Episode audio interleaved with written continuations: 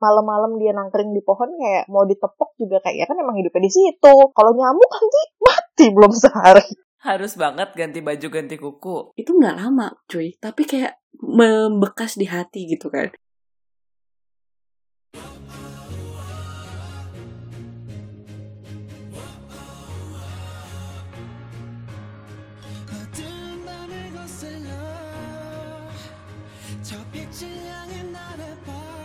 안녕하세요. 좋은 아침입니다. Selamat Selamat pagi. pagi. Selamat datang kembali di podcast kami, Cuan Acim. Ada gue, Ari, ada Mita, dan ada Adele.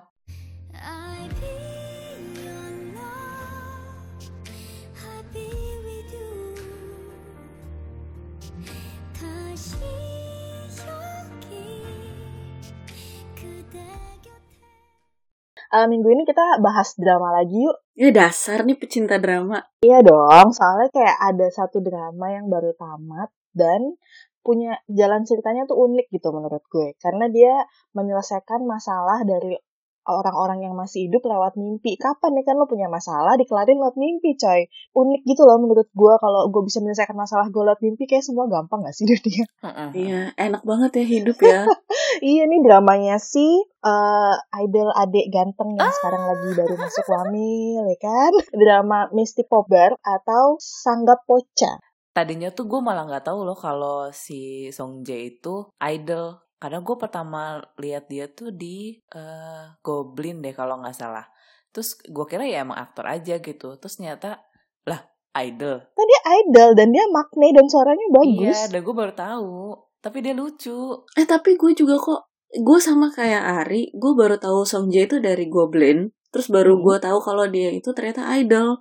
Baru gue ngikutin B2B gitu. Emang bagus sih suaranya. Betul, sama banget. Dan ternyata lagunya BTW bagus-bagus. Mungkin karena kebanyakan gitu kali ya, kayak idol tune actor, jadi kayak orang kadang nggak tahu dia dari grup mana, ya taunya dia aktor aja gitu, padahal sebenarnya dia idol. Itu si siapa namanya eh yang jadi janggre di Miseng. Oh, Im Siwan. Ah, Im Siwan. Itu juga gue nggak tahu loh dia eh, idol. Karena aktingnya bagus. Jadi gue pikir emang dia aktor. Kalau Im Siwan, gue justru tahu dia, karena dulu gue ngikutin ZE kan, bareng sama Pak Hyun Sik kan dia. Hmm. Oh iya iya benar benar benar. Eh bahkan 2PM gue jatuh cinta dengan 2PM tuh awalnya karena Dream High kok. Oh, Taekyeon. Uyong, uyong, uyong. Oh, Wuyong, bukan Taekyeon ya. Iya dulu dulu gue ngikutin dulu gue ngikutin Dream High tuh malah ngikutin ceritanya Uyong sama Ayu. Malah side side couple-nya gitu. Dan ternyata yang Dream High itu kan sebenarnya semua idol, kecuali Kim Soo Hyun kan. Kim Soo Hyun anaknya Baeyong Jun cuy dari Ki East. Aktor bayaran termahal sekarang. Mohon maaf, sekarang dia udah nggak di KIS lagi. Oh iya udah pindah ya. Iya, dia udah punya agensi sendiri barengan sama sepupunya. Namanya Gold Medalist. Terus si So Yeji yang main di apa Psycho Jima Kencana juga di agensi yang sama kan? Iya, iya, iya. Dia di, dimasukin di agensi yang sama di situ. Dan ternyata si drama Psycho Jiman Kencana itu produksi dari agensinya mereka gitu. Oh jadi agensi tuh sekarang udah bisa bikin drama ya? Bisa, bisa, bisa. Kok keren?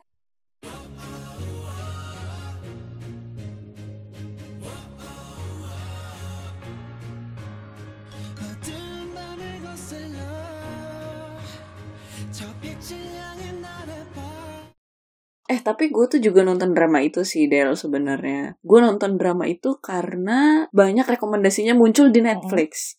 Nggak jadi setiap gue buka Netflix itu tuh kayak pertama terus gitu loh. Jadi gue kayak tergugah hatinya untuk mulai nonton. Apalagi eh, ada Sung Jae di situ. Dan eh, ini tuh kayaknya comebacknya dia setelah Goblin kan. Comebacknya di drama maksud gue. Iya, betul. Setelah Goblin. Dan ini belas drama before Wamil. Mm-mm, betul. Jadi dramanya kelar syuting dulu, abis itu pas dramanya tayang, dianya bertugas coy. Jadi jadi dia nggak bisa ngeliat nih Iya. Hasil karya karyanya Apalagi dia. gue tuh sebenarnya nonton uh, variety show-nya dia All the Butlers itu loh tadinya. Terus kan dia wamil. Mm-mm. Makanya kan kayaknya uh, minggu-minggu aku tanpa Sungji tuh aneh kali gitu kan. Eh terus di Netflix dia muncul. Makanya gue nonton juga di drama ini. Tapi somehow ini drama tuh sebenarnya mengingatkan gue ke drama lainnya. Oh drama Hotel Del Luna Mhm. lo nonton gak Del? Oh gue yakin sih si Adel nonton. Kalau Zes nonton gak nih? Iya dong gue nonton. Jadi emang menurut gue drama ini tuh uh, apa ya ada kayak semacam benang merahnya gitu kali ya. Kalau misalnya uh, drama Hotel de Luna dia tuh mengurusi masalah orang yang udah meninggal kan. Sedangkan kalau Sangga Poca itu mengurusi masalah orang yang masih hidup yang ada di dunia gitu. Jadi kayak feel-nya tuh sama-sama apa ya istilahnya mengurusi dan menyelesaikan masalah orang tapi target marketnya beda gitu Iya ya, walaupun garis besarnya tuh sama kayak ngebahas orang-orang di kehidupan yang sekarang sama afterlife tuh kayak gimana Mm, mm, gitu kan. Itu sih garis besarnya. Eh, iya benar. Tapi menurut gue ada cerita unik lainnya gitu. Ada fakta lainnya yang menurut gue juga membuat drama ini luar biasa unik gitu. Kayak kisah cinta sepanjang masa.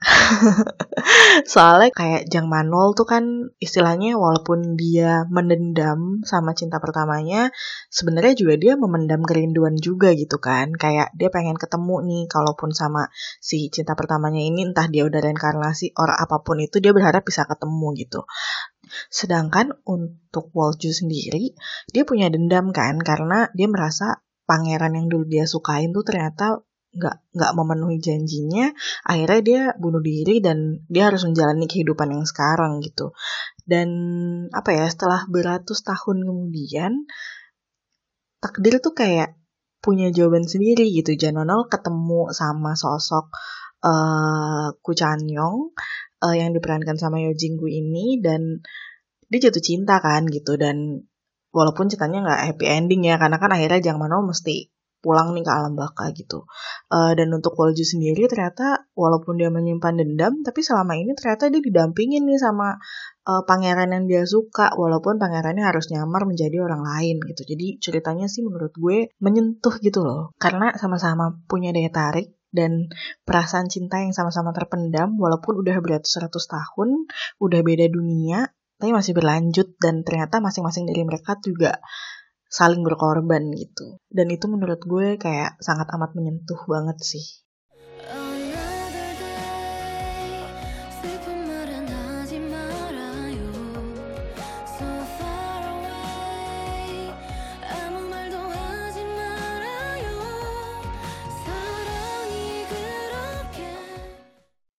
Terus gue juga baru tahu ternyata si drama Mystic Pop Bar ini Hmm. awalnya dari webtoon ya, malah duluan dia gitu sebenarnya ceritanya ada di dunia ini gitu. Iya betul betul. Jadi sebenarnya tuh dia dari webtoon dulu, terus diangkat dari drama kan. Eh baru muncullah si Hotel de Luna ini. Cuman kalau Hotel de Luna kan pure dari skrip kan, emang orang bikin naskah baru gitu. Jadi apa ya? Menurut gue sih ceritanya 11-12 kan kayak jalan ceritanya pun sama, nggak sama sih, hampir agak-agak mirip gitu loh. sama. Karena yang punya si Hotel de Luna, si yang punya hotelnya tuh kan pendendam ya, Bo ya. Jadi dia dihukum untuk mengurusi arwah-arwah yang penasaran itu supaya masalahnya kelar nih di dunia gitu kan. Kalau si siapa Mystic Popbar eh dihukum juga, cuman bedanya kalau dia karena bunuh diri. Jadinya dia harus ngurusin masalah-masalah orang hidup gitu. Sebenarnya hukumannya itu beda nggak sih antara si Jang Manual sama yang di Mystic Pop Bar? Mungkin sama ya, kurang lebihnya sama, mirip lah gitu. Karena mereka sebenarnya sama-sama dihukum untuk eh, menolong orang lain eh dengan kekuatan yang mereka yang mereka dapat gitu kan. Kalau Jang Manol dia dihukum untuk eh, mengurusi masalah orang-orang yang udah meninggal. Eh, dan dia cara nolong ini adalah dengan membuka hotel kan namanya Hotel de Luna which is hotel ini sebenarnya bisa didatengin kapan aja tapi ketika bulan purnama nih hotel itu tuh kayak ada apa ya kayak kekuatan mistisnya gitu. Jadi kayak menarik arwah-arwah semakin banyak gitu yang melihat palangnya gitu kan setiap bulan purnama. Sedangkan Wolju dia kan nolong orang yang eh, masih hidup lewat mimpi gitu kan orang-orang yang punya masalah. Eh, bedanya kalau misalnya si Jang Manol tuh nggak punya target berapa banyak arwah yang harus dia tolong sedangkan Wolju tuh punya target. Kalau Wolju tuh dia punya target 100 ribu orang dalam waktu 500 tahun. Nah, kalau si Hotel de Luna, si Jang Manol nih gak ada targetnya sebenarnya. Eh, di, dari awal cerita nggak ada target dia harus apa sih kayak nolongin berapa banyak arwah gitu. Tapi yang jelas di situ udah dimention kalau dia tuh udah seribu tahun nih ceritanya eh, mengelola si Hotel de Luna ini gitu. Jadi makanya ada apa ya kayak semacam perubahan dari generasi generasi dari zaman eh, Goryeo waktu itu terus masuk ke zaman Joseon terus akhirnya masuk ke era reformasi atau kemerdekaan Korea zaman dulu gitu waktu masih gabung dua negara terus akhirnya sampai di era yang sekarang Tapi dari dua drama itu walaupun mirip masih ada keme- keunikannya masing-masing kan ya? eh kalau dari gua sih karena gua nonton dua-duanya uniknya tuh karena konflik kepentingan gitu loh kayak Jadi kalau misalnya ada yang belum nonton jadi kayak spoiler nih jatuhnya. Kalau yang si Mystic Pop Bar itu kan dia buka kedai minuman gitu lah ya, kayak warkop ala Korea gitu kali ya. Warkop, Jadi warkop kalau elit. jadi kalau misalnya orang capek, lo balik ke situ punya masalah, dikasih minuman beralkohol gitu, terus nanti lo akan masuk ke mimpi, terus nanti lo akan dibantu nih di mimpi gitu kan, akan di encourage nih sama si pemilik kedainya itu si Wolju itu kan kayak lo harus begini lo harus begitu supaya masalah dia kelar cuman kan dia masih hidup nih jadi kayak bantu dia buat move on gitu. Lah kalau si Jang Manuel kan karena mungkin arwahnya udah meninggal ya jadi kayak dipenuhi nih keinginannya supaya dia juga tenang di alam baka sana gitu kan. Terus menurut gua hmm, apa ya portraying kehidupan orang di dunia nyata sama afterlife itu kayak kelihatan banget. Gue sih agak ngeri ya bu ya. Kayak oh my god kalau misalnya gue mati terus masuk di hotel itu kan berarti berarti gue masih punya punya hutang nih di dunia Iya, gitu kan yang harus diurusin gitu. Agak-agak ngeri juga sebenarnya gue nonton di situ kan. Hmm, tapi settingnya tuh keren banget sih kalau gue lihat dari interiornya, dari mobilnya, dari baju-bajunya, apalagi baju Jang Manwol, hobinya belanja kan dia. iya ih parah jadi gue tuh kemarin sempet kayak sempet nonton ulang lagi again demi bisa bercerita nih ke kalian Aduh ya makasih kan. loh. kalau dalam satu episode itu tuh si Ayu bisa kayak minimal tuh lima kali ganti kostum coy dan gak cuman bajunya yang ganti kukunya juga ganti. Apa? jadi warna kuku kan? Harus Warna kukunya ganti baju ganti. ganti kuku. iya jadi lo kebayang gak sih ketika dia syuting itu kayak stylishnya pusing gak sih? Kayak duh ini orang hari ini pakai baju ini kukunya warna apa ya? Gitu kan mesti mini pedi dulu. Jadi kalau misalnya mau syuting kan agak PR ya kayak ayo ayo saatnya syuting. Bentar ya aku pasang kuku dulu. Gitu kan kayak pilih-pilih warnanya agak repot gitu gak sih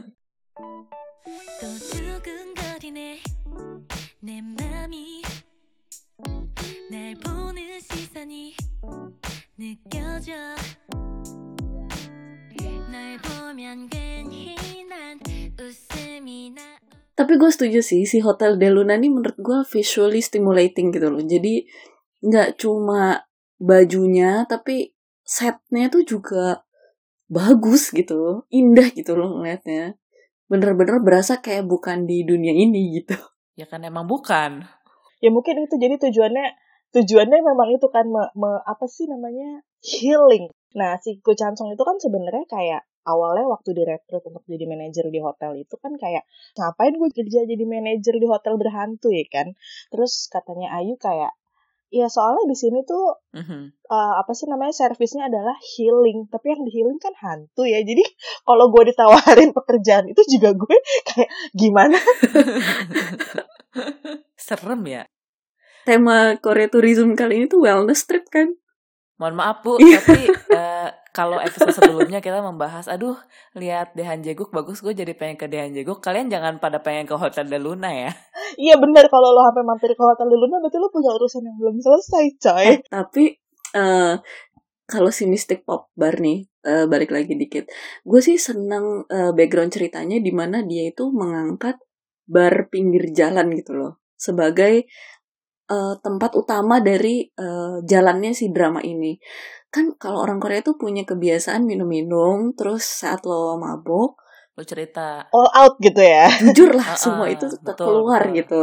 Ha, menurut gue kayaknya background kenapa diambil bar tuh itu kali ya. Relatable banget sama orang-orang zaman sekarang gitu. Iya iya iya. iya, heeh. Walaupun judul dramanya nih fantasi. Dan apa sih namanya kalau di Mystic Pop Bar itu si uh, jagoan kecil kita eh, si Sang Jae itu kan ceritanya dia punya kemampuan supranatural kan, gimana saat dia touch seseorang, Mm-mm. orangnya bakal langsung ngomong kan dia punya masalah apa gitu kan. Mm-mm. Ya gue agak agak berguna banget sih. agak effort juga ya kalau misalnya kita lagi di bakso itu tiba-tiba lo dikerebutin orang cuma gara-gara orang yang mau curhat kan PR juga ya. nah, jadi kayak apa sih em, di Mystic Pop Bar tuh juga gue kayak agak amazed juga sih kayak ngelihat apa ya keseharian eh, orang-orang di sana tuh yang kayak butuh healing time dengan minum-minum dengan bercengkrama atau pengen ada kan orang-orang yang pengen cerita tapi mungkin nggak punya teman buat cerita gitu. Cuman gara-gara ada si Mystic Pop Bar ini kayak cukup disentuh keluar semua keluh kesah ya kan? Nggak pakai malu gitu. Jadi kayak apa ya gue ngeliatnya kayak unik juga sih ceritanya gitu kan. Terus mana sebenarnya gue agak ngiri juga sih di kedai pinggir jalan itu tiap malam menunya ganti coy udon tteokbokki ya kan iya ya. Biasa kan kalau kedai-kedai gitu kan menunya cuma itu iya iya menunya tuh gonta-ganti jadi kayak ya allah kok Iya. Korea kangen Nah kalau yang ini ke ke pot saja nggak apa-apa. Oh iya, nggak apa-apa karena dia kan masalah orang hidup, jadi gue masih diterima Iya. kalau di situ. Tapi ada satu apa satu cuplikan yang lucu gitu loh pas si Mm-mm. Song Jae-nya dia buka pintu apa kedai. Mm-mm. Kok tahu-tahu masuk ke halaman zaman Joseon gitu. Eh itu dia masuk ke alam, itu masuk ke alam baka ya dia. Masuk ke alam bakal lagi pada apa? Lagi pada maraton, lagi pada apa sih kayak Isaac gitu loh kayak lomba. Itu scene paling lucu sih menurut gue. Iya bener-bener. Jadi kayak itu apa sih kalau misalnya di Hotel de Luna kan afterlife-nya nggak begitu kelihatan ya, karena kan dia lebih fokus walaupun ngurusin masalah orang meninggal gitu, tapi kan settingannya tuh di alam manusia gitu kan. Nah, kalau di Mystic Pop Bar tuh eh emang ngurusin masalah orang hidup sih, cuman settingannya tuh kan di alam bawah sadar manusia, terus bolak-balik alam baka ya kan. Kayak eh, yang tadi Jess bilang ada adegan dia buka pintu, terus tiba-tiba dia muncul di apa sih latar Joseon kan sebenarnya tuh arwah-arwah yang mau memberikan apa ya istilahnya warisan buat itu penerusnya. apa nomor Iya, togel. lewat nomor togel kan. jadi jadi sebenarnya kan mereka berkompetisi dulu nih di sana kan maraton dulu, MT dulu kan coy. Nah, yang menang boleh lah tuh ngasih nomor togel ke keturunannya gitu.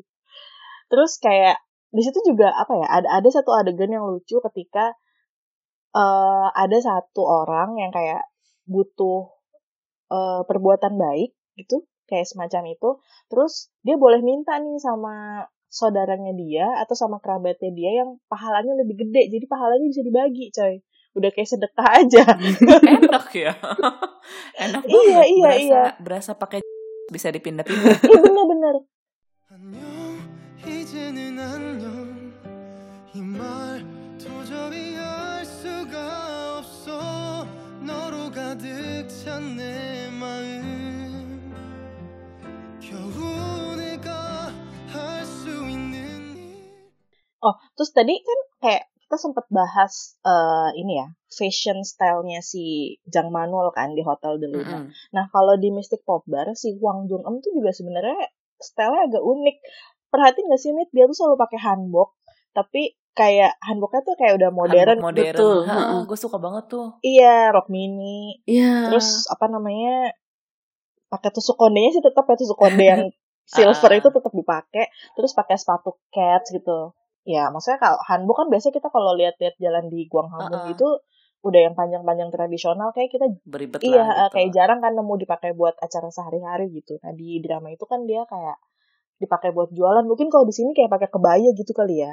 Jadi kayak Iya, iya, bener-bener, biar tetap tradisional tapi modern gitu kan. gue tuh sangat terkesima eh, dia pakai hanbok tuh waktu ada scene yang dia lari-lari gue baru sadar kalau dia tuh pakai hanbok pas itu gitu kayak ini orang kenapa larinya kayak ribet banget ya Karena pakai oh handball. ternyata gara-gara si hanbok itu nah awalnya kan dia selalu di balik meja barnya itu kan mm. Dan cuma kelihatan bagian Betul. atasnya aja itu kan. gue kayak nggak terlalu notice gitu Mungkin karena itu kali karena faktor ceritanya kan dia dari zaman Joseon Hmm. kan. Nah ini kalau misalnya diperhatiin lagi nih si latar apa ya latar masa lalunya dua pemeran di drama ini tuh juga beda. Kalau si Jang Manol tuh dia kan ceritanya udah seribu Mm-mm. tahun di dunia kan terus dia tuh udah ada di dunia sejak zaman sejak sejak dinasti Goryeo tuh kalau gua nggak salah inget melihat pakaiannya si zaman dia zaman dulu kan udah beda generasi kan jadi secara iya jadi secara usia tuaan Jang Iya, iya, Mano iya, sih ya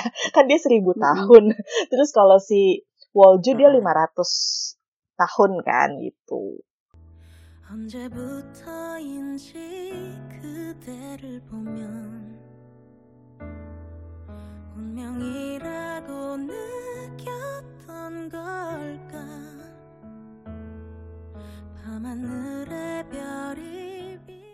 Kalian kan kalian nonton nih sampai dua-duanya sampai habis. Eh, ada nggak sih scene yang berkesan gitu dari masing-masing drama? kalau di Hotel de Luna tuh gue paling berkesan banget ketika eh, si Jang Manul ini tahu kalau si first love dia itu ternyata selama ini belum pergi ke alam baka, tapi selama ini ada di hotel dan menyamar sebagai kunang-kunang. jadi selama Oh iya, ya, gue Iya, denger jadi tuh. kayak si Jang Manol kan ceritanya mendendam kan karena dulu dia ngerasa dikhianatin sama si cinta pertamanya ini, terus dia kehilangan best friend-nya dia yang udah kayak adik kan, dikiranya si First Love ini ngianatin dia, padahal kan sebenarnya First Love itu nolongin dia kan sebenarnya supaya dia nggak dibunuh, makanya dia berkorban nih nikah sama si putri eh, raja di situ, terus udah gitu eh, si best friend ini emang kayak istilah dikorbanin kali ya supaya si Jang Manolnya selamat gitu karena si Jang Manol ini kan kayak dendam kan oh gara-gara lo nih gue kehilangan best friend gue terus gara-gara gue suka sama lo juga nih ternyata lo nipu gue gitu kan. Padahal kan kenyataannya nggak begitu gitu.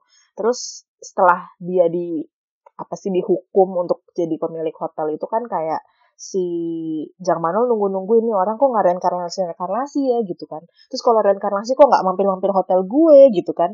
Padahal kan selama ini ya gimana mau mampir coy. Emang selama ini dia emang mendekam di situ dan ternyata kan si First Love itu adalah eh, tamu pertamanya Hmm. dia di hotel itu dan nggak berangkat ke alam baka tapi dia minta sama si dewa buat tolong dong ubah gue jadi kunang-kunang supaya gue bisa nemenin si Manol ini di sini gitu. Jadi ketika si Manol tahu kalau eh karena itu Kenapa kayak kunang-kunang sih? kayaknya wujud yang paling gak mencurigakan ya sih kalau malam-malam dia nangkring di pohon kayak mau ditepok juga kayak ya kan emang hidupnya di situ Oh, iya, kalau nyamuk nanti sih.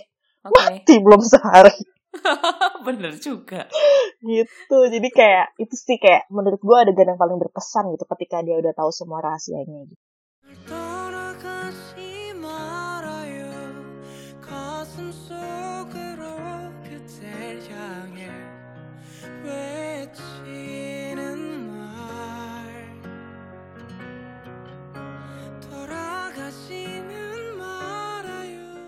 kalau di Mystic Pop Bar yang paling berkesan tuh ketika ketika Song Jae tahu kalau ternyata si Pri Banjang sama si Imunim yang selama ini dia kenal tuh adalah ternyata orang tuanya dia di masa lampau. Itu sih kayak jadi kayak apa ya kayak dia tahu kenyataan itu kan kayak selama ini kan dia di- merasa disia-sia terus anak yatim piatu ya kan terus nggak ada yang ngurus ternyata dia punya orang tua nih gitu cuman ya walaupun beda dimensi aja sih beda generasi aja gitu kan itu sih menurut gue Heeh. kalau Mita bagaimana ada scene-scene atau adegan-adegan berkesan yang mengulik hati atau enggak Kalau Hotel de Luna nih, kalau Adele nih kan eh, cukup berbobot gitu ya. Eh, scene yang berkesannya. kalau gue tuh scene berkesan si Hotel de Luna adalah ketika Kim Soo-yeon muncul di oh sana.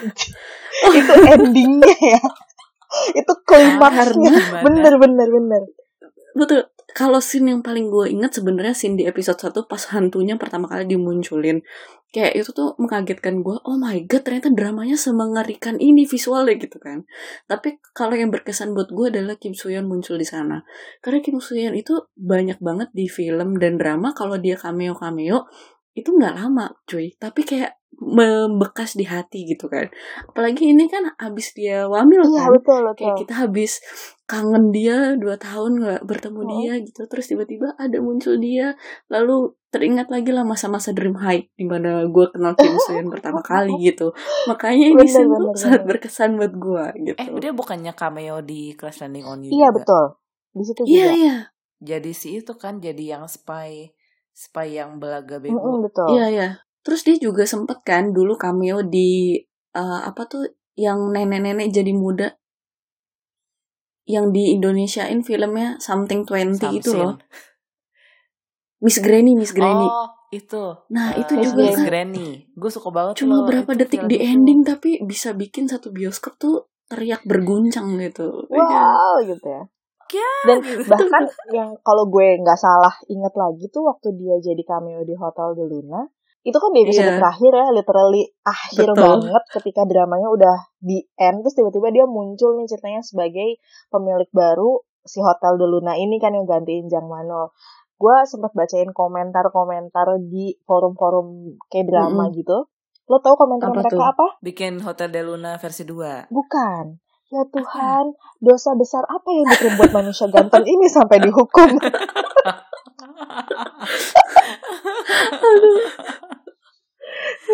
jadi emang netizen tuh bener-bener kan. Jadi komentarnya kayak kalau Jang Manol dihukum gara-gara ngebunuh membabi buta kan dulu ketika dia punya dendam sama first love-nya itu gitu. Terus tiba-tiba digantiin sama sosok Kim So Hyun dengan sempurnanya dia komentarnya satu bikin dosa apa nih manusia ganteng gitu kan sampai ada orang yang jawab gue tahu dosa besar dia apa karena dia bikin semua manusia patah hati that's why dia dihukum jaga hotel. Tapi sama kan kalian juga kan terkesima kan ya Kim Seon kan. Eh ya juga, Iya jangan-jangan itu juga kayak dosanya bener sih. Oke deh.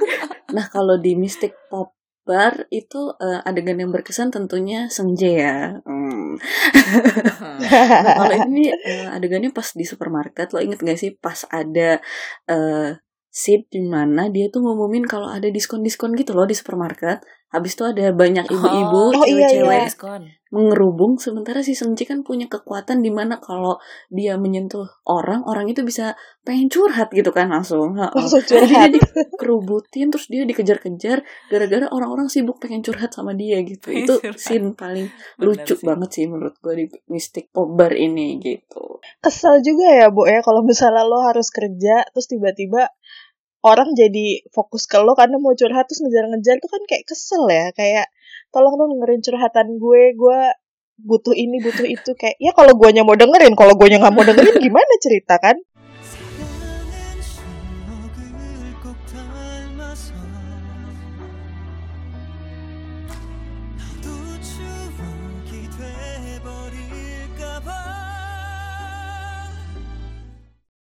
Terus yang pas dia di supermarket itu kan si yang Hwang Jongemnya dia pengen nyomblangin si Song Jae sama mbak-mbak yang security.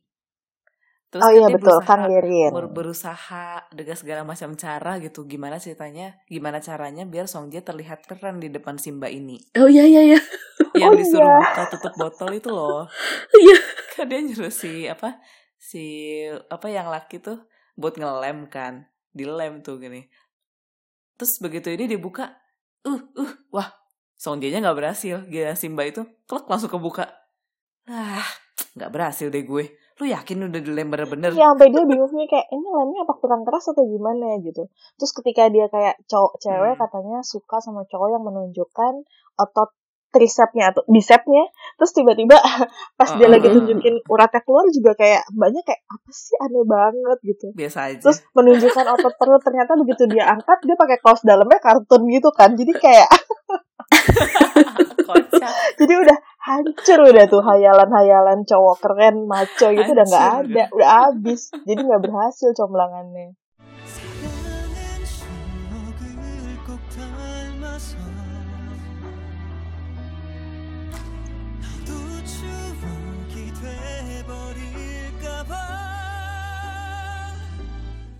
Eh jadi jadi gimana nih dari antara Hotel de Luna sama Mystic Pop Bar kalian lebih suka yang mana?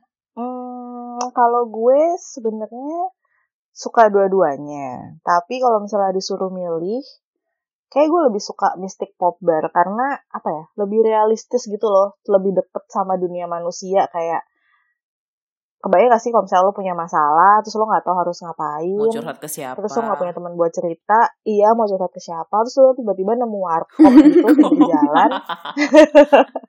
Warmindo, terus lo warung Indomie. iya betul. Lo bisa lo bisa nongkrong di situ sambil makan indomie ya kan? Nge- ngeteh-ngeteh lucu gitu kan? Terus tiba-tiba di situ ada Huang Jung sama si Sung Ji gitu muncul kayak lo butuh apa? Sini gue bantuin gitu kayak ya butuh kayak lucu aja sih gitu kalau sampai ada beneran gitu. Dan kan dan itu kan kaitannya sama dunia nyata ya bu jadi nggak serem gue nggak takut. Kalau misalnya Hotel de Luna tuh kayak mau dibikin jadi kenyataan gitu misalnya. Agak mikir dua kali bu berarti gue harus mati dulu coy. Takut gue. Gue juga lebih suka si Mystic Pop Bar sih. Soalnya dia ya itu relatable banget sama kehidupan zaman sekarang. Jangan-jangan Mita juga sama nih. Kalau visually gue lebih suka Hotel de Luna sebenarnya. Eh, karena settingnya, karena bajunya, baju-bajunya, dan Iya, keren-keren banget sih. eh, kalau ngomongin soundtracknya secara keseluruhan, itu gue juga kayaknya lebih banyak suka lagu di Hotel de Luna. Walaupun di Mystic Oh, bener juga ya. oh iya karena ada ada Betul. ada ada ada Paul Kim juga kan di situ gitu. kan Nah tapi kalau eh, tentang ceritanya, gue setuju sih sama kalian. Gue lebih suka si Mystic Pop Bar ini karena lebih kayak eh, kita banget gitu. Walaupun eh, dua drama ini sebenarnya mengangkat eh, hal yang sama gitu, di mana intinya lo tuh harus berbuat baik saat lo hidup gitu. Gitu gak sih, ya kan? Mm-mm. Walaupun dua-duanya mengangkat tema eh, reinkarnasi juga, walaupun kita tidak kebanyakan dari kita tidak memegang paham itu ya. Tapi maksud gue banyak pelajaran yang bisa diambil. Iya benar-benar. Karena kan kalau si Hotel de Luna tuh kalau misalnya lo berbuat baik, istilah lo berangkat ke alam bakanya naik limosin, coy. Kalau lo berbuat kalau lo berbuat yang B aja, ya lo naik bus aja gitu. Ya nggak tahu, iya busnya nggak tahu sih patas AC apa odong-odong kan ya tergantung tergantung amal perbuatan nih gitu. Taunya busnya masih level Metro Mini. Nah kan sedih tuh kalau begitu dosa banget berarti kan hidupnya. Terus kalau di Mystic Pop Bar dia mm, nggak ada nggak ada apa ya nggak ada adegan eh, naik bus atau naik limosin sih ke alam bakanya cuman ada adegan persidangannya. Jadi ketika disidang kayak kalau lo dosanya lumayan ya lo bolehlah reinkarnasi jadi serangga gitu kan. Kalau lo jadi kayak kalau misalnya lo berbuat jahat dan hina banget kan ya lo jadi binatang ya binatang apalah yang disembelih terus kayak ayam gitu misalnya kan cepet banget matinya gitu kan terus kalau misalnya lo berbuat baik lo bisa milih lo mau jadi apa. Jadi oh bahkan ada kalau nggak salah tuh ada satu adegan di Mystic Pop Bar waktu si Wang Jung Em itu akhirnya berhasil menyelesaikan targetnya. Dia tuh ditanya dia sama dewanya lo mau reinkarnasi jadi apa? Mau jadi anak cebol putri tunggal orang kaya tinggal Wow, pilih gitu kan. Wow, enak banget. Nah makanya jadi kayak sama-sama apa ya sama-sama kayak kalau lo mau melakukan hal yang baik nanti imbasnya juga lo akan dapet yang baik juga gitu. Mungkin nilai baiknya itu sih